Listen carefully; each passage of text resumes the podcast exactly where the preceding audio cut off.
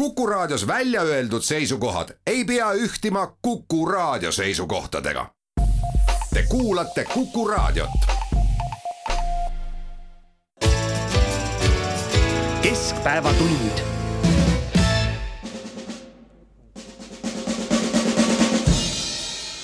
iga mees on oma saatuse sepp ja oma õnne valaja. Ükskord prahvatab vimm, mis kogunenud salaja. Mõisad põlevad, saksad surevad, mets ja maa saavad meitele ja meitele ja meitele ja meitele, meitele, meitele ja meitele ja meitele ja meitele, meitele, meitele. iga mees on oma saatuse sepp ja oma õnne valaja ükskord prahvatab vimm, mis kogunen salaja.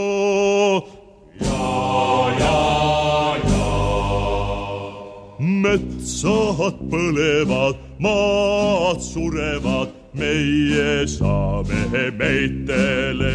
jah meitele, jah meitele, jah meitele, meitele, meitele, jah meitele, jah meitele,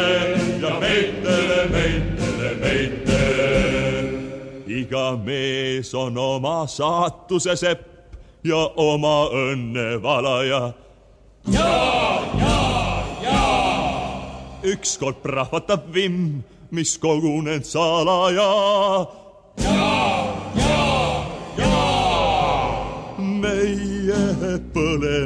Meie sureme, siis ei jää enam ühtegi orja, ei ühtegi orja, ühtegi orja, ei ühtegi, ühtegi peremeest, ei ühtegi orja, ühtegi orja, ei ühtegi, ühtegi peremeest.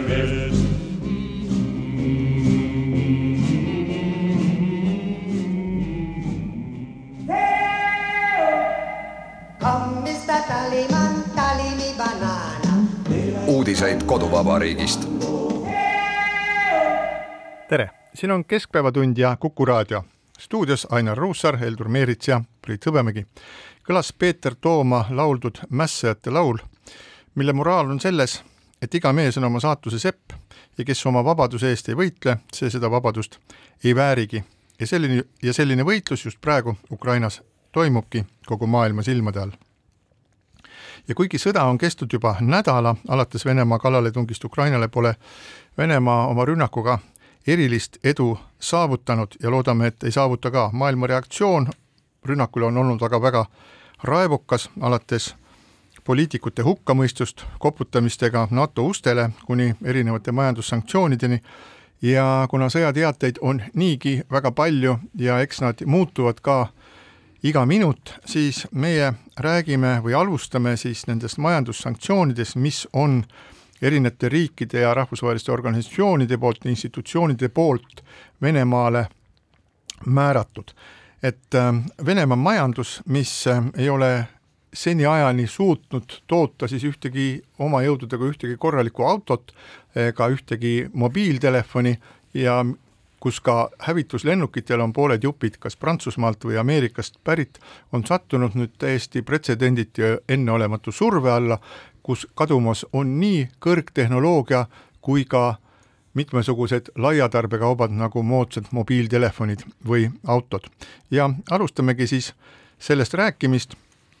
kuidas Venemaa sellisele survele vastu peab ja kas sellel üldse on mingisugust mõju nendele inimestele, kes võib-olla osaliselt mäletavad veel seda, kuidas pärast teist maailmasõda oli maa tühi ja paljas ja lagedaks põletatud ja nad pidid elama muldonnides. kindlasti mingisugune mõju on, noh võtame, võtame kas või üksikud detaile, et kui suur osa Venemaa lennukompaniidest on viimase viieteistkümne aasta jooksul vahetanud välja oma tsiviillennunduse pargi, ostnud Boeinguid näiteks ja need, mitte ostnud, vabandust, liisinud. Ja nüüd nende lennukite väidetavalt äh, enam kui viiesaja lennuki, mis lendavad Vene siseliinidel äh,, äh, liisitud lennukid on äh, emakompanii tagasi võtnud. See... mis tähendab, mis tähendab ikka väga tugevat surmet näiteks Venemaal reisimisele, teine on see, et noh, ma kordan ennast, aga oled sa Antalyas või Londonis eh, Oxford Streetil või Pariisis Saint-Élyseel, siis iga viies turist veel kuu aega tagasi, kes vastu tuli, rääkis vene keeles. Nüüd sa käisid, nüüd, nüüd sa käisid Prantsusmaal ja Saint-Tropez ja sa ei näinud ühtegi venelast seal nüüd on, nüüd on sellega lõpp ja, ja, ja noh, mis on tegelikult natukene nagu murettekitav, on see, et et noh, Euroopa suurriigid, kes tarbivad Venemaa gaasi, näiteks Saksamaa, ei, ei saa või ei suuda sellest loobuda, ehk siis Venemaa tegelikult ikkagi saab Euroopast raha. no te, tegelikult, tegelikult äh, suudab äh, Saksamaa loobuda. aga ei ole suutnud? no tähendab jah, et, et tänaseks veel nagu tegudeni ei ole jõutud, välja arvatud see, et, et Venemaa on lõpetanud Poola kaudu gaasi öö, pumpamise, aga jah, et, et et äh, Olav Scholz on äh, küll öelnud, et, et sakslased ehitavad kaks LNG sadamat, äh, nii et, et noh, mingisuguseid samme seal ikkagi astutakse, aga noh, kui me räägime sanktsioonidest, siis nagu kõigepealt nagu vaataks teiselt poolt, et, et kas see ülejäänud maailm sellest ka midagi kaotab, eks noh, kui Venemaa majandus on samas suurusjärgus nagu Hollandil, siis on nagu selge, eks, et, et see ülejäänud maailm elab, kuigi seal nagu mingisuguseid tagasilööke siiski on, et, et äh, siis äh, noh, suures plaanis elab ülejäänud maailm need Venemaa sanktsioonid üsna hõlpsalt läbi üle jah, kuigi jah, nagu siin mingid itaallased Euroopa Liidus arutlesid ja et, et järsku ikkagi kuidagimoodi peaks need luksuskaubad äh, jätma sanktsioonide alt välja, aga jah, et, et noh, kui nüüd vaadata neid teistpidi, kuidas sanktsioonid Venemaal peegelduvad ja et, et siis nad nagu mitmed olulised komponendid kaotavad, sealt, et noh, Venemaa rubla on kõvasti eh, pihta saanud, nii et, et neid luksuskaupade ostjaid Venemaal eh, jääb eh, tunduvalt vähemaks. ja noh, kui, kui nagu vaadata Eestisse, et siis nagu üks osa, kuidas Eesti pihta saab, on ka see, et, et noh, Vene turiste ilmselt on meil lähiaastatel selgelt vähem oodata, et osa, osad nendest ei julge tulla ja, ja osadel ei ole raha, et, et tulla Kirde-Eesti Eestisse või Tallinna puhkusele. Seda kindlasti, sa, Heldur, püüad kogu saate kohe võtta esimesse kolme saatesse ära ja siis ja siis me peame ülejäänud aja arutlema nende, nende teemadel, aga kui võtaks neid majandussanktsioone veel nagu osade kaupa, et me siin rääkisime eh, lennuühendusest ja lennuühendusega on ju selline huvitav lugu, et see on nüüd tõenäoliselt mingisugune mingi Venemaa sisese sellise korruptsiooni eh, või varjatud riikliku korruptsiooni näitaja, et need enamus nendest Vene siseliinidel lendavatest Boeing, Boeingitest ja Airbusidest on siis liisitud ühe firma kaudu, mis asub Iirimaal tegelikult ja juba möödunud nädalal siis see firma andis Venemaal asuvatele lennukitele, andis siis korralduse tagastada liisingulennukid nii kiiresti kui vähegi võimalik. peale selle on siis Boeing ja Airbus teatanud, nad Venemaale enam tagavaraosi ei tarni, ehk et nende lennukitega väga kaua lennata ei saa, aga huvitav on siis see, et kõik need, miks, mispärast on nii haavatav see Vene lennundus, see on selle tõttu, et äh, ühe ministeeriumi kaudu avaldati siis lennuettevõtetele tugevat survet, et nad liisiksid kõik oma lennukid just nimelt ühe konkreetse firma kaudu, mis asub välismaal. no nüüd vaadates nii-öelda seda Nõukogude süsteemi ja ka Vene süsteemi kuidagi äh, mingis, mingil määral ikka tundva inimese pilguga, siis võiks, võiks öelda see, et mida suurema lepingu suurema lepingu see Iiri firma sai, seda suuremad boonused sai keegi, kes kõiki neid eh, tehinguid vahendas, nüüd tuleb välja, et see on selline väga ohtlik ja väga nõrk asi, ise siis eh, Venemaa Youtuberid siis teevad, juba heidavad sellist nalja, et et tõepoolest, välismaale lennata ei saa, et eh, Euroopa ja Ühendriikide õhuruum on kinni Vene lennukitele, teiseks lennukeid enam ei ole ka praktiliselt. Ja see tähendab seda, et kui keskvalitsuse ametnik hakkab sõitma Vladivostokki komandeeringusse, vabandage, et ajas naerma, siis ta peab istuma rongi peale, ta sõidab nädal aega Vladivostokki komandeeringusse ja sõidab teise nädala, sõidab siis Moskvasse jälle tagasi. et äh, paljud venemaalased peavad hakkama siis on mööda oma suurt kodumaad sõitma rongiga. ja raha, et rongirestoranis süüa see seitse päeva ka väga palju. seda ka väga palju ei ole, aga üks huvitav detail, mis siis äh, ühest sellisest äh, siiamaani veel hingitsevast Vene äh, jutusaatest Youtube'ist tuli välja, oli siis kõrgtehnoloogiaga seotud küsimus, et siin on palju räägitud, et et eh, kõik, mis tänapäeval siis nagu toimib, et see toimib siis kiipide peal. et eh, üldiselt on teada seda, et enamus maailmas kasutatud kiipidest on valmistatud Taiwanil, nüüd juba mõnda aega siis Venemaa teatas, et neil on kaks oma kiibivalmistajat, ühe nimi on Elbrus ja teise oli vist Volna või midagi taolist.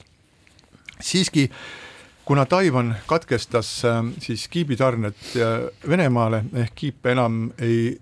saa, siis selgus muuhulgas ka see, et ei see Elbrus ega ka see teine firma pole kunagi mitte mingisuguseid kiipe valmistanudki. Need olidki Taiwan'i kiibid, mis lihtsalt äh, pakendati uuesti ja kleebiti neile see Elbruse silt peale ja siis paigutati kõikidesse erinevatesse seadmetesse, mis tähendab seda, et nüüd, kui me räägime, et, et kui Venemaa peab sõda ja ta peab tootma erinevaid äh, isejuhtivaid rakette, siis kõik need raketid kasutavad kiipe, kõik tankide navigatsiooniseadmed kasutavad kiipe, igasugused navigatsiooniseadmed kasutavad kiipe, mis iganes see ka sõjatehnoloogia ei ole, peale siis selle rumala äh, targa täägi ja rumala püssikuuli, nagu kunagi revolu-, Vene revolutsiooni ajal öeldi, nad kõik vajavad kiipe. Ja kui neid kiipe ei ole, siis tähendab ka see seda, et nende võimekus toota kiipe ja kõrgtehnoloogilist relvastust on äh, oluliselt langenud. Peale selle, et näiteks äh, hävituslennukid SU-d nende peal on Prantsuse mootorid ja Ameerika navigatsioonisüsteemid, et ka SU-de puhul, kui need lähevad untsu või need on vaja juurde toota, et siis neid enam lihtsalt ei saa teha, nii et näiteks kõrgtehnoloogia osast on see asi ikka väga nutune ja me teame ju seda, et isegi kui maailmas näiteks Ameerika Ühendriigid pärast suhete eh, pingestumist Hiinaga ütlesid, et me peame nüüd ise hakkama tootma kiipe, siis tegelikult kogu see kiibi tootmise ettevalmistamine, nende tohutute tehaste ehitamine, et saaks nagu hoogu sisse, see võtab ikka parajalt aastaid, aga tundub, et Venemaa tehnoloogilise valmiduse puhul, et see jääbki aastakümnete taha. suur küsimus on ikkagi see, et äh, kas üldse ja kui üldse, siis millal üldse tekib Venemaa elanike hulgas see kriitiline mass, kes tegelikult avaldab ikkagi niivõrd suurt survet, et Venemaa peab oma tänast poliitikat muutma või tänast juhtkonda kuidagi vahetuma. me näeme telepildis siin äh, peamiselt Peterburis ja Moskvas protesteerivaid inimesi, kellest sadu ja sadu on viimastel päevadel ka kinni võetud või tuhandeid isegi vist. jah, käed raudu pandud, aga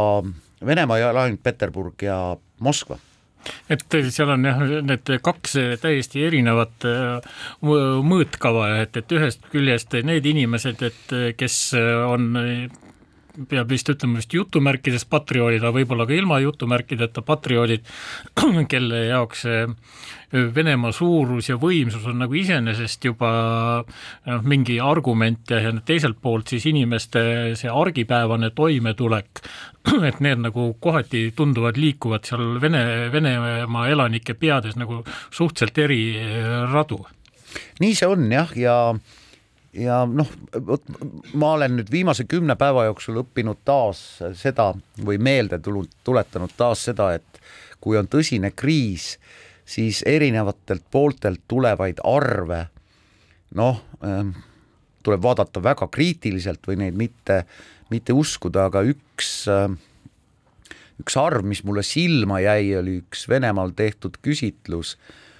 kus vaid kaheksa protsenti Venemaa elanikest ütlesid, et nad on sõja vastu. Ehm, ja siis ma vaatasin, Levada keskus muide on ilmselt kinni pandud ja tegevuse lõpetanud mm., nad ei ole viimased kümme päeva teinud mitte ühtegi küsitlust, varem siis, tegid nad peaaegu igapäevaselt. see on siis ena, enam-vähem sõltumatu. sõltumatu ja usaldusväärseid arvamusküsitlusi sooritav Vene firma. jah, ja kaks tuhat neliteist ma vaatasin Levada küsitlust äh, siis oli Putini toetus viiskümmend kuus protsenti ja pärast seda, kui Krimm annekteeriti, tõusis see kaheksakümne kaheksa protsendini. jah, no nüüd ei oska praegu öelda, et millised need tulemused on, selge on see, et kõik pooled tekitavad mingisugust sõjaudu, aga vaatame neid ideoloogia, identiteedi küsimusi natuke hiljem, aga ma tahaks natukene rääkida või viia jutu oligarhide juurde, sellepärast et suur osa nendest äh, sanktsioonidest on ju otseselt suunatud siis Putini lähiringi ehk nende oligarhide vastu, kelle käes on siis suur osa Vene majandusest, kelle, kelle omanduses on need kõige suuremad äh, naftakompaniid, äh, terasekompaniid, alumiiniumi tootmistehased ja kaevandused ja kogu kogu kütusetööstus, et, et kuskohast need inimesed need tulid, et need inimesed sündisid ja suur osa nendest on needsamad, nad sündisid siis Boriss Jeltsini ajal, kui Boriss Jeltsinil sisuliselt oli kaks valikut, kui ta üritas Venemaad moodsamale suunale viia sellest Nõukogude süsteemist, kas äh, üha tugevnev äh, maffia kisub siis riigi varad tükkideks ja viib endaga kaasa või ta valib välja mingisuguse väikese hulga inimesi, nii-öelda nagu inglased ütlevad, cherry picking, valib välja sellised inimesed, kes siis äh, suudavad majandamisega hakkama saada ja korraldab asja nii, et just nendel on võimalus endale erastada suhteliselt võileiva hinnaga kõige suuremad, võib-olla maailma suurimad metallurgiakombinaadid, kaevandused ja nii edasi, nii edasi. et mingisugune ja, ja sellega so soovis siis äh, Jeltsin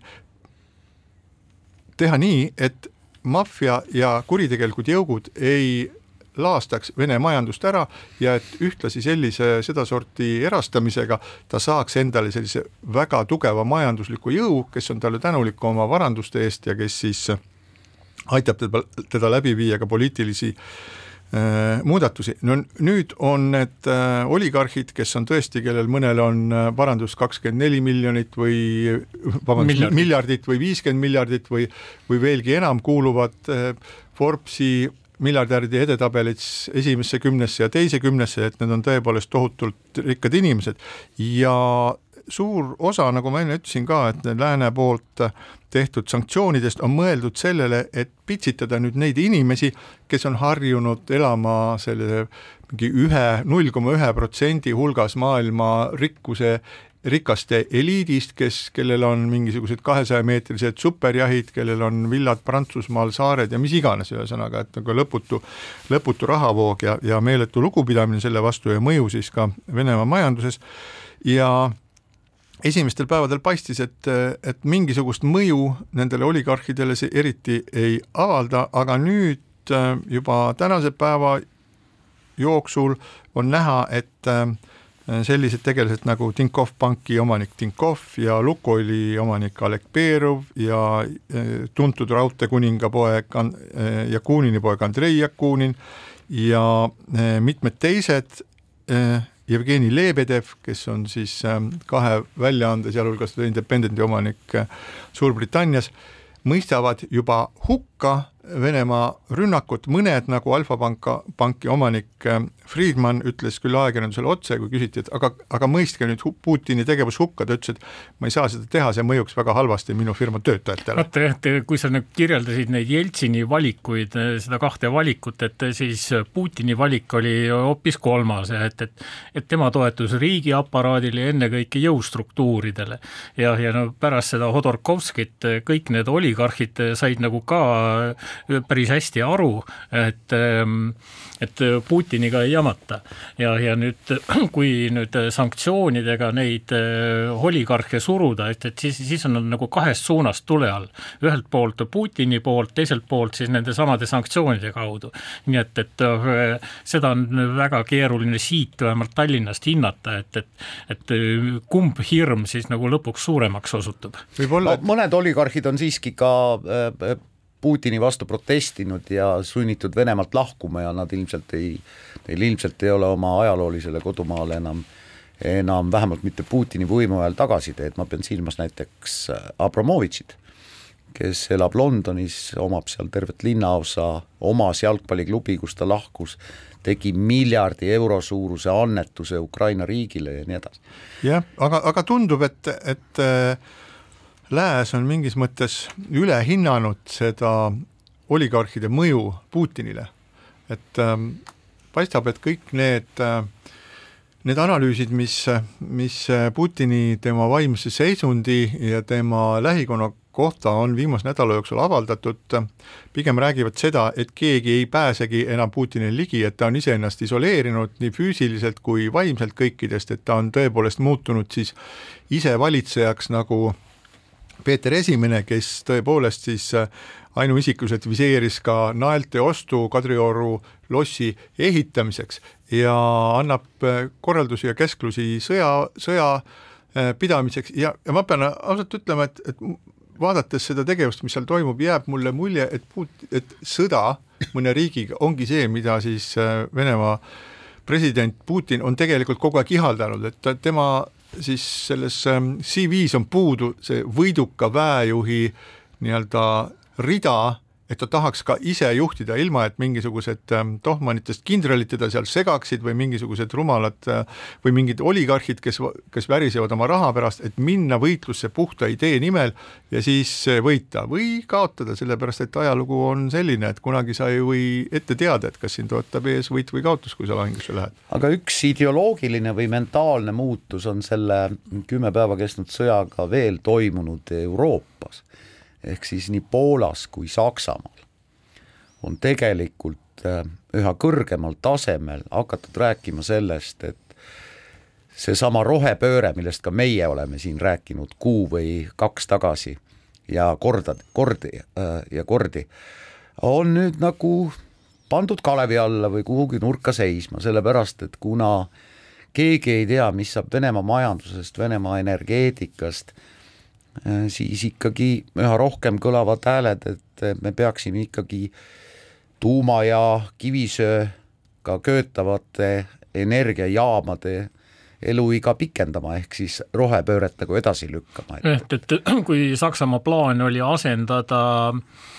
tuumajaamad ja kivisöejaamad Vene gaasiga, et siis, siis nüüd nagu ei ole enam kindlust, et, et see Just. plaan sellisel kujul õnnestub ja, ja noh, tundub, et see Nord Stream kaks on ka vähemalt äh, selleks korraks äh, riiulile pandud. ja noh, rääkimata, kui me nüüd räägime nendest maavärinatest seal Saksa poliitikas, siis see sakslaste valik nüüd tõsta kaitsekulud kahe protsendini, et see on noh, nagu ülisuur muutus. ja nüüd et noh, kui me siin ka teistes riikides toimunud muutustest räägime, et siis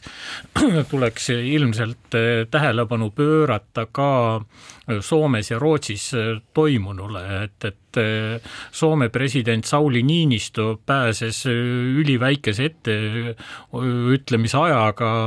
Joe Bideni juurde, et, et eile, eile nad kohtusid, et täna on Niinisto Soomest tagasi ja, ja täna saabuvad Soome ka Rootsi peaminister ja kaitseminister,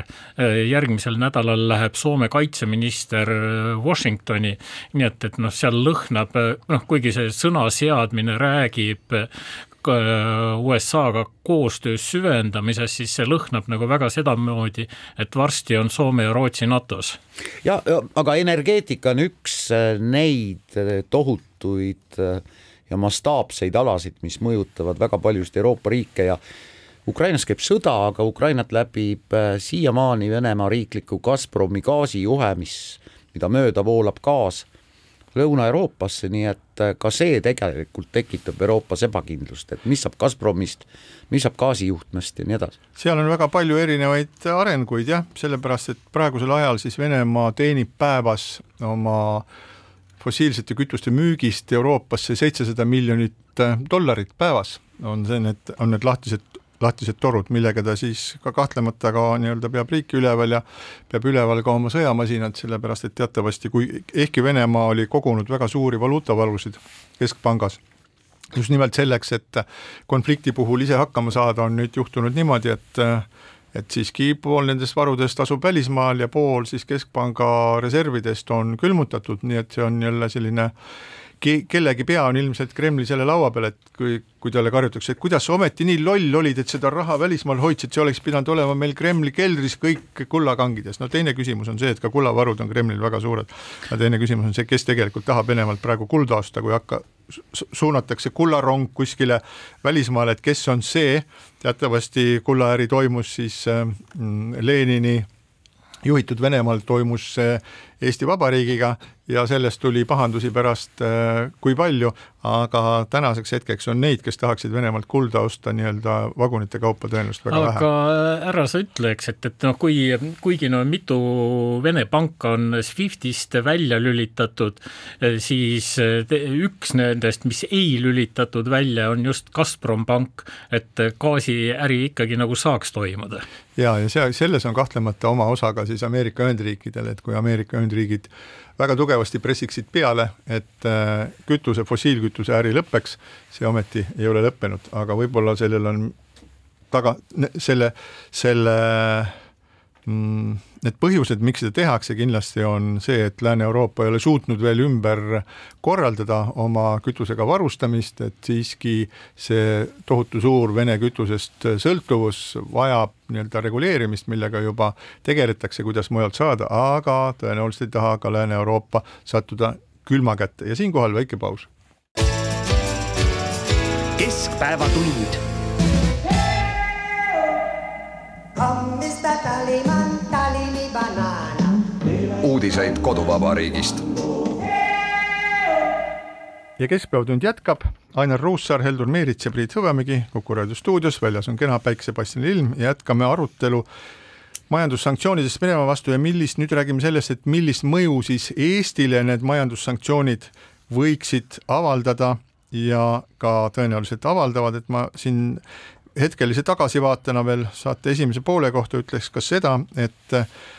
sanktsioonide hulka, mis Venemaad on tabanud, kuuluvad siis ähm, rahandusega seotud sanktsioonid, et äh, osa Venemaa panku visati välja siis ähm, pankadevahelisest kiirarvelduste süsteemist, mis põhimõtteliselt tähendab seda, et kui nad hakkavad midagi müüma või mingeid arveldusi tegema, siis nad peavad seda tegema telefoni ja telefaksi teel, et sellist automaatset garantiid, pangagarantiid enam neile ei ole, nad peavad oma usaldusväärsust hakkama tõestama, viiskümmend protsenti Venemaa Keskpanga varadest välismaal on külmutatud, suured autofirmad nagu Volkswagen, Audi, Volvo ja teised lõpetavad tegevuse, Venemaal ei vii, vii sinna enam autosid, ei tarni ka tagavaraosi, nii et kui me kujutame ette, kui palju Venemaal võib olla Volkswageneid, ilusaid autosid, Audisid ja siis BMW-sid, et siis nende sõitjatel läheb keeruliseks, aga noh, Vene meistrid on alati olnud sellised väga nutikad. nutikad ja siis küll nad juba sepistavad midagi valmis, puurivad ja teevad valmis, siis lõpetasid koostöö Apple, Intel, Hewlett Packard, Microsoft, Nike ja ja siis Apple'i alt ka iPhone ehk et selline nagu mugavustehnoloogia ja mugavad tossud, samuti ka tarkvara, millega me oleme harjunud, millega töötavad siis väga paljud nii riigiasutused kui ka firmad, et neid enam sinna ei äh,, seda äri enam nendega ei tehta. aga läheme nüüd Eesti juurde. ma lisan ja. veel ühe sanktsiooni, mis on emotsionaalne mm -hmm. sanktsioon, aga mis puudutab väga paljusid inimesi, kes võib-olla ei tule tänavatele, aga kes õhtul kodus ikkagi teleka ette istudes äh, ütlevad short paberi. see on näiteks see, et Venemaa jalgpallimeeskond ei saa osaleda suurtel võistlustel. Ja teades, kui populaarne on jalgpall Venemaal, siis ma arvan, et neid inimesi, neid vene mehi, kes ütlevad short paberi äh,, oodates telekast äh, Venemaa koondise matši kellegiga on päris palju. et neil, see on eraldi küsimus, et keda nad süüdistavad, kas äh, nii-öelda narkomaania natsi Ukrainas või nad süüdistavad siis kedagi, kes istub Kremlis? see on eraldi küsimus. jah, ja noh, ka terve hulk kultuuriüritusi on ära jäänud, noh alates Valeri Gergievist ja et, et kellele öeldi Ameerikas ja et, et, et me nagu ei tahagi sind lihtsalt näha ja. Gergiev on üks äh, suur Putini sõber ja suur Putini Putini äh, siis toetaja, aga et neid on ju teisigi, et näiteks äh, maailmakuulus sopran Anna Netrebko, kelle esinemisi ka on ära jäetud ja Netrebkoga võib-olla asi on natukene keerulisem, et ta ise ütleb, et tema ei toeta seda Ukraina ähm, rünnaku, Venemaa sõda Ukrainale, aga ilmselt on lihtsam või, või oleks liiga keeruline osata nüüd ka nendel, kes selliseid kultuurialaseid sanktsioone teevad, et äh, väga täpselt aru saada, et mida keegi arvab ja mida keegi ei arva, aga seda no, me... meie Narva Vaba Lava lükkas Peterburi teatrifestivali näiteks edasi, ehk siis ka nimelt. üks väike kultuurisanktsioon. nojah, et eks, et tihti ju räägitakse sellest ja et, et, et üks asi on Putin ja teine on vene rahvas, aga no ma arvan, eks, et, et, et see vene rahvas, et see nüüd ei saa ka oma käsi ikkagi nagu päris puhtaks pesta, eks, et meie ei tea midagi, eks et, et klaarige Putiniga. ütleme nii, et jah, et äh, tänasel päeval on ju olukord siiski selline, et maailmas on väga keeruline ennast hoida eemal mingisugusest informatsioonist, et me teame seda, et kui veel seal kümme, kakskümmend aastat tagasi oli nii, et kui sa tahtsid mingisugust informatsiooni hankida, siis sa pidid seda seda kuskilt kaevandama, tänasel päeval on nii, et sa pead oma kõrvad kinni toppima ja silmad sulgema selleks, et informatsioon sinuni ei jõuaks. Ja uskuda nüüd seda, et tõepoolest seal on sada nelikümmend neli miljonit inimest ja nad kõik elavad mingisuguses totaalses pimeduses ja nad pole kuulnud ega näinud, mis üldse Venemaal toimub, see on täiesti, seda on väga, seda on väga keeruline uskuda, sest et ega siis äh, nii, nii Dožd või telejaam Dožd kui Eho Moskvõi kui mitmesugused sellised opositsioonilised, kuigi vähe, aga siiski olemasolevad meediakanalid on töötanud, internet on olnud olemas kogu aeg, Deutsche Welle on olnud olemas, venekeelne BBC on olnud olemas, kui Venemaal on inimesi, kes on soovinud aru saada, mis päriselt maailmas toimub, siis nendel on olnud kümneid aastaid aega sellega ennast äh, kurssi viia. Ja kui nad siiski ei ole soovinud seda teha, kui nad leiavad, et äh, Ukraina on Venemaale liiga ohtlik ja tõepoolest seda tuleb sõjaliselt karistada, siis ma arvan, et nendele inimestele ei tule teha kuskilt otsast mingisugust hinnaalandust, nad on ise määranud ennast sellesse pimedusse ja vastupidi, mitte ainult määranud pimedusse, vaid nad on hoidnud kogu selle aja kõvasti silmi kinni selleks, et mitte aru saada, mis maailmas päriselt toimub. Võib-olla sul on õigus, aga mm, ma usun, et Venemaal on ikkagi päris palju neid inimesi, kelle tegelikult kannatus ei ole veel otsa saanud kes on noh, praeguse Kremli juhtkonna vastased, aga nad ei ütle seda häälekalt välja kusagil, kusagil Moskva või Peterburi peatänaval, ehk siis saavad, tulevad, tulevad omadega toime, igaks juhuks hoiavad keele hammaste taga, kui siis kiruvad õhtul koos naisega, eks ole, kusagil kinnise korteri ukse taga seda asja. ma arvan, et neid inimesi on päris palju, nüüd on küsimus selles, et et kas nende inimeste mõttelaadis tekib muutus, häälekas muutus või häälekaks muutuv muutus. see on, see on nüüd nagu, nagu iseküsimus. aga tegelikult üks nüanss veel, et äh, Venemaa on korduvalt viimastel päevadel teatanud, et ta võib kehtestada oma riigis sõjaseisukorra. ja tuuma hakkab seda arutama esmaspäeval. ehk siis, kui Venemaa praegune võim kehtestab sõjaseisukorra, siis me oleme hoopis teises olukorras, tegelikult Venemaa naaberriigina ka. et kui sa nüüd nagu räägid nendest äh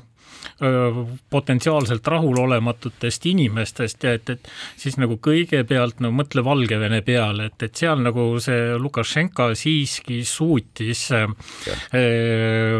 oma selle opositsiooni ära vaigistada ja, ja noh, need arreteerimised Venemaal näitavad, et, et Putin toimib nagu täpselt samamoodi. Ja, ja et noh, kui me veel korra nagu vaatame ka seda mm, sõjalist olukorda Ukrainas ja et, et siis noh, tegelikult ei ole seal see lõpptulemus kuidagi veel ära otsustatud. et me nüüd ka paljude vahvate filmide ja raamatute järgi me nagu loodame, et, et see valguse võit peaks nagu alati garanteeritud olema, aga noh, päriselus see ei ole nagu sugugi nii. no ja vaata, aga kui vaata, vaata nii-öelda, vaata horisondile vaata horisondile ja kaugemale kui ühest aastast, kahest aastast või mm -hmm. kolmest aastast ja sa näed seda, et kõik see, millega äh, Venemaa Putini juhtimisel praegu toimub, et see on lõpp. see on ühe ideoloogia lõpp. see ei vii võidule ja seda olukorda, kus äh, siis Putin võidukalt alistab Ukraina ja kehtestab Euroopas uue maailmakorra, sellepärast et see äh, Ukrainaga võitlemine on ainult üks osa nendest tema kinnisideedest, et kõigepealt Ukrainaga korda teha, siis ajada välja NATO tervest Euroopast ja kehtestada uus maailmakord, kus asju jagavad omavahel, kus on mõjusfäärid ja kus asju jagavad omavahel. Hiina ja Venemaa, see ei ole kuskilt otsast reaalne, see on haige aju unistus. selles mõttes see lõpeb hävinguga nagunii, aga küsimus on selles, et kui palju inimesi ja kui palju sellesse kistakse ja kui suuri inimlikke kannatusi tuleb meil kõigil võib-olla läbi elada enne seda, kui valguse võit võit siiski saabub. ja, ja kui suur on see majanduslik äh, kaos või majanduslik tagasilöök mhm. meile kõigile, mitte ainult Eestile, vaid ma siiski korraks veel olen nagu selles saatana advokaadi rollis, eks, et, et siin on nüüd järjest enam võrreldud Venemaad Põhja-Koreaga. Põhja-Korea on mingi veider moodustis mis äh, loo-, mingi noh, kõige loogika järgi just nagu ei tohiks püsti püsida, aga ometigi püsib ja, ja noh, et, et veelgi enam ja et, et et äh, on endale ilmselt tuumarelvaga suutnud hankida. ja, ja et see sellise Põhja-Korea analoogina nüüd nagu mingisuguse tulevikustsenaariumina me võime ka seda Põhja-Korea stsenaariumit me võime ka nagu Venemaa jaoks projitseerida. ma ütleks ka, et, et need, see tõenäosus on nagu üsna, üsna pisikene, et, et ka see, et, et Venemaa Ukrainas võidab, et see tõenäosus on pisikene, aga et, et see nagu päris automaatselt iseenesest ei tule jah, kindlasti mitte ja, ja Venemaa puhul on nagu oluline ka see, et äh, mina ei võrdle äh, Venemaad sugugi Põhja-Koreaga, sellepärast et Põhja-Korea üleval püsimine on ju täpselt samasugune Hiina ja Venemaa satelliidiks olemine, sest et tõepoolest neil mingisugust äh, võimalust iseendale elatist hankida ei ole, et nad elavad puukidena teiste suurte suurte küljes, kes äh, varustavad neid äh, napilt, kuid siiski nii palju, et nad püsiksid elamana just nimelt selleks, et nende olemasolu oleks siis Ameerika Ühendriikidele, oleks pinnus silmas ja siinkohal väike paus. keskpäevatund Tallyman, tally me banana. uudiseid koduvabariigist. keskpäevatund jätkab, Ainar Ruussaar, Heldun Meerits ja Priit Hõbemägi Tallinna stuudios, et teen järjekordse katse juhtida juttu majandusteemadele, ma vaatasin siin, mulle eh, on saatnud andmed siis äh, hea Triin Ploompuu, endine masinatööstuse liidu tegevjuht siis Venemaa ja Eesti kaubavahetuse kohta ja Eesti eksport siis on seitsesada seitsekümmend kaks miljonit ja Eesti import Venemaalt on kaks koma üks miljardit eurot. Ja kui me nüüd vaatame, et mida siis Eesti Venemaalt ostab, kui me mõtleme nüüd selle peale, et kui kaubavahetus kukub maha, siis Eesti sellest kahe koma ühest miljardist eurost viiskümmend kolm protsenti on mineraalkütused siis ähm, õlid ja gaas ja puit ja puittooted, sellest kaubavahetust on kuusteist, rahalises väärtuses kuusteist koma üks protsenti. on juba juttu olnud sellest, et millist mõju võib siis ähm, Venemaa puidu äh, siis ähm, äri ärakukkumine avaldada mõju Eestis ja raud ja teras ja raudtooted on kokku alla kümne protsendi, kuskil kaheksa protsenti, nii et minu esialgne arvamus, et, äh, et kaubavahetuse äralangemine Venemaaga tähendab seda, et ehitusmetalli enam ei ole, et kõrghooneid püstitada ei saa ja väikeste puitkilpmajade ehitamine jääb ka seisma, et selle tabeli järgi kahe tuhande kahekümne esimese aasta kaubandusbilansi järgi ei ole äh, nagu päris reaalne ja väetisi siis äh, sellest kaubavahetuse bilansist meil on viis koma neli protsenti, aitäh veel Triinule nende andmete eest. Ja arutame siis seda, et äh, millist mõju meie Eesti majandusele selles vaates, meie igapäevase elu vaates võib siis äh, see kaubavahetuse katkemine ja need sanktsioonid avaldada igale ühele meist iga päev, nii nagu me oma elu siin peame elama. et see, need väetised ei olnud sul seal tabelis äh, mitte kõige suurem osakaal, aga kuna põllumajandus on ka Eesti majanduses suhteliselt väikese osakaaluga, eks, siis võib-olla ehk see, need väetised on seal selle negatiivse mõju poolest ikka suhteliselt tipus, et ükski, ükski nendest kaupadest ei ole asendamatu, need kõik on võimalik asendada jah, aga et, et noh, tõenäoliselt see võtab aega, kuni, kuniks see saab asendatud, kevadkülv on kohe-kohe näiteks tulemas ja võimalik jah, et, et need asendused ei ole ka enam sama hinnaga. nii et, et see on nüüd ka üks, üks tegur, mida me nende Vene mõjude puhul peame arvestama, et, et see võib ka hinnataset noh, tõenäoliselt tõsta tõstabki seda hinnataset. jah, ja noh, on veel mitmeid selliseid väiksemaid kategooriaid, kus me tegelikult noh, pandeemia ajal või enne pandeemiat natuke rohkem kui pandeemia ajal ja nüüd sõja ajal veel vähem, üks asi on turism, teine asi on see, et suuremad kaupluste ketid on öelnud, et nad ei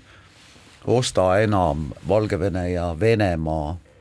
toiduaineid, ma ei, mul ei, ei ole mingit ettekujutust, kui palju me Venemaalt või Valgevenest toiduaineid ostsime, mida meie kaubaketid ütlevad, et noh, et alla ühe protsendi. noh, järelikult see ei mõjuta, eks mm., järelikult see ei mõjuta. aga, aga kui vaadata kõik kokku panna, siis noh, siis tuleb ikkagi juba päris, päris äge pilt kokku ei, no kui, kui sa nüüd nagu otsid, et kuskohalt need probleemid tulevad, siis nagu võib-olla ehk nagu kõige käegakatsutavamad asjad on ikkagi nagu need tarneahelate ümberkorraldamised, mis võtavad aega. jah, just nimelt. nii, aga igal juhul oleme me jõudnud juba kauplustes märgata seda, et kuskilt on, kuskilt ei ole jämedat soola enam ja kuskil ei ole seda teist ja nüüd inimestel tekib nagu segadus, et kas nüüd kõik on hakanud siis korraga soola ostma, noh, soola võib ju ikka kodus olla, lõppkokkuvõttes sa võid ju mida, mida iganes sa ka, mida iganes sa ka toiduks valmistada, aga kui seal ei ole, kui see just magus ei ole, et kui seal ei ole natukene soola sees, siis ta tundub selline lame suus, aga ja osa kaup, osades kauplustes on siis ka Valgevene ja Vene kaubad ära koristatud juba, nii et tegelikult ei saagi, ei saagi aru sellest, et kas on mingite asjade kohta tekkinud siis äh, suurem nõudmine, sellepärast et äh, kuidas oli siis ka Teise maailmasõja ajal, tikud, sool ja suhkur olid siis need äh, kolm, kolm ainet, mida või kolm asja, mida siis varuti rasketeks aegadeks. Ja et kas need on kadunud meie lettidelt sellepärast, et äh, nad on lihtsalt ära haaratud või siis, et need on, need on nii-öelda müügi, müügikeelu alla jõudnud, aga nagu ütlesime, et gaasi ja kütuse osas äri endiselt käib, aga nüüd me räägime natuke sellest, et see Venemaa kallaletung Ukrainale on pannud massid liikvele Euroopas, et vist mõnedel andmetel on juba ligikaudu miljon inimest lahkunud Ukrainast, juba esimesed bussiteed Ukraina põgenikega on jõudnud ka Eestisse ja mitte ainult inimesed ei põgele Ukrainast, vaid äh, lahkuvad ka Venemaalt, kuna Venemaalt lennukiga enam kuhugi ei saa, nendel põhjustel, millest me siin varem rääkisime, siis on rongid ja bussid inimesi täis bussid, bussidega tullakse Eestisse Venemaalt selleks, et siit minna kuhugile edasi ja nii nagu vähemasti jutud räägivad, ei tea, kas on õiged või mitte, aga viimane rong, mis siis äh, Peterburist sõitis Helsingi poole, et viimase rongi viimane pilet oli maksnud kuus tuhat eurot, selle raha eest võiks kolm korda Ameerikas ära käia, no ma ei tea, kas see vastab tõele või mitte, aga tegelikult rong oli olnud puupüsti täis, mis tähendab seda, et osa venelastest äh, tahab kiiresti plehku panna Venemaalt ja siis ähm, eks siis ähm, tundub, tundub nii, et ärevust tekitab neis ärevus neis tekib isegi siis, kui nad kuulevad hommikust õhtuni massiteabekanalites selliseid õhinat ja, ja vaimustust tekit-, tekitavaid uudiseid, kui hästi läheb siis see denatsifitseerimise, demilitariseerimise vastane erioperatsioon Ukrainas. et noh, kas või Lux Express on nagu öelnud, et Peterburi ja Tallinna vahel, et nad on põhimõtteliselt kahekordistanud äh, busside arvu ja, ja äh, inimeste liikumine on ikkagi nagu sealt siia äh, põhiliselt. ja aga et, et nüüd kui palju tänaseks on Ukraina põgenikke Eestisse jõudnud, et seda me vist ei tea keegi ja et, et aga me saime nagu vähemalt õnneks, oli see eile või, või täna, et, et teada, et nüüd viiele organisatsioonile on e-, eestlased annetanud kuus miljonit eurot, aga noh, see on nüüd ainult osa sellest ja, ja mu meelest see on nagu küll nagu üsna, üsna hämmastav ja tubli, tubli tulemus ja, ja noh, me, me näiteks ei tea, kui palju on otse Ukraina armeelegi annetatud. ma soovin Eesti parlamendi liikmetele nüüd küll erakordset üksmeelt ja erakordset kiirust, sellepärast et parlament võiks teha seadusemuudatuse, sest praegu on niimoodi, et kui sa annetad Ukrainale raha, siis Eesti Maksu- ja Tolliamet võtab sellest tulumaksu maha. no üks selline algatus on juba tehtud ka, et, et. jah, aga ma soovin parlamendile uueks nädalaks edu, et tegelikult, kui sa ikka annetad Ukraina põgenike heaks või Ukraina sõjalise võimsuse heaks selleks, et vastu seisa Venemaa agressioonile, siis noh,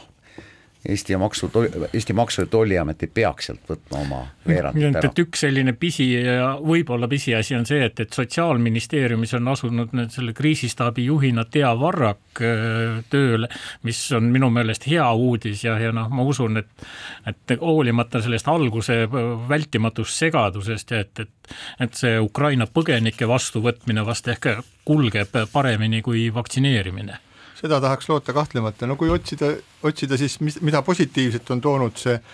see hävitav konflikt, siis võiks öelda nii, et kõigest üks nädal, üks nädal sõda, sõda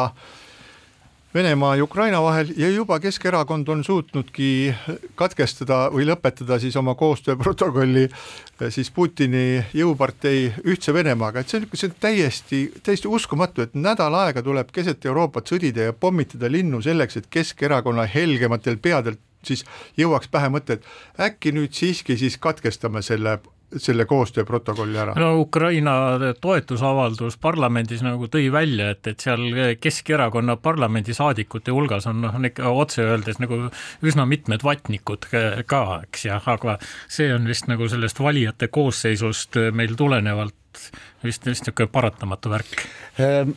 lõppenud nädalal Riigikogu keskfraktsiooni juht Jaanus Karilaid kinnitas mulle, et need üksikud vatnikud, kes nende äh, hulgas olid, on nüüd ikkagi pööratud õigele teele. Nende ajudega on siis töötatud ja ma saan aru, et siin äh, Kir-, äh, Kirde-Eestis on isegi vis-, visatud mingisugusest seltskonnast välja üks, üks töötaja, kes, ähm, kes õigustas Putini äh, agressiooni ja minu meelest see on ka täiesti õige, et siin tulebki hoida sellist väga selget joont, et me peame olema ühtsed ja me peame nagu rääkima ühel keelel, et kindlasti on probleem ka siis vene keelt kõnelevate eestimaalaste hulgas ka see, et äh, lõhe jookseb, nii nagu mina olen aru saanud oma vestlustest äh, venekeelsete eestimaalastega, generatsioonide vahel, et äh, vanemad generatsioonid pooldavad ametlikku Venemaa liini ja nooremad generatsioonid pooldavad siis sellist läänelikku orientatsiooni ja inimõigusi ja et nende kahe generatsiooni vahel on juba väga keeruline omavahel suhelda. nii on nii on, olen seda ise ka pealt näinud ja kogenud mõne aasta eest enne igasugust sõjategevust, praegust sõjategevust Ukrainas äh,, Ida-Virumaal, kus tegelikult tõepoolest see, see mõttelaadi lõhe läks seal kusagil neljakümne viie vanuse piirilt ja ma soovitan siis kõigile, kes äh, räägivad venekeelsete eestimaalastega, teha samamoodi, nagu praegu tehakse näiteks äh, Narvas, kui keegi ei tea, et kuidas vestluskaaslane siis äh, suhtub Ukraina küsimusse ja tülli ei tahaks minna, siis nemad asudes teise inim-, teise inimesega rääkima, kõigepealt küsivad, teevad sellise küsimuse, ütlevad noh on ikka värk seal Ukrainas ja siis vaatavad, kuidas vastus tuleb, nii et ei maksa iga inimest ja kindlasti ei maksa iga inimest, kes vene keelt räägib, pidada putinlaseks, et see on üks väga oluline asi, et äh, venekeelne Eesti elanikkond on mitmekesine, neil on erinevad seisukohad ja ärge pange oma suhtumist valage nende kaela, kes seda ära ei ole teeninud, nad on meiega. Ja suur tänu täna kuulamast kohtumiseni taas nädala pärast keskpäevatund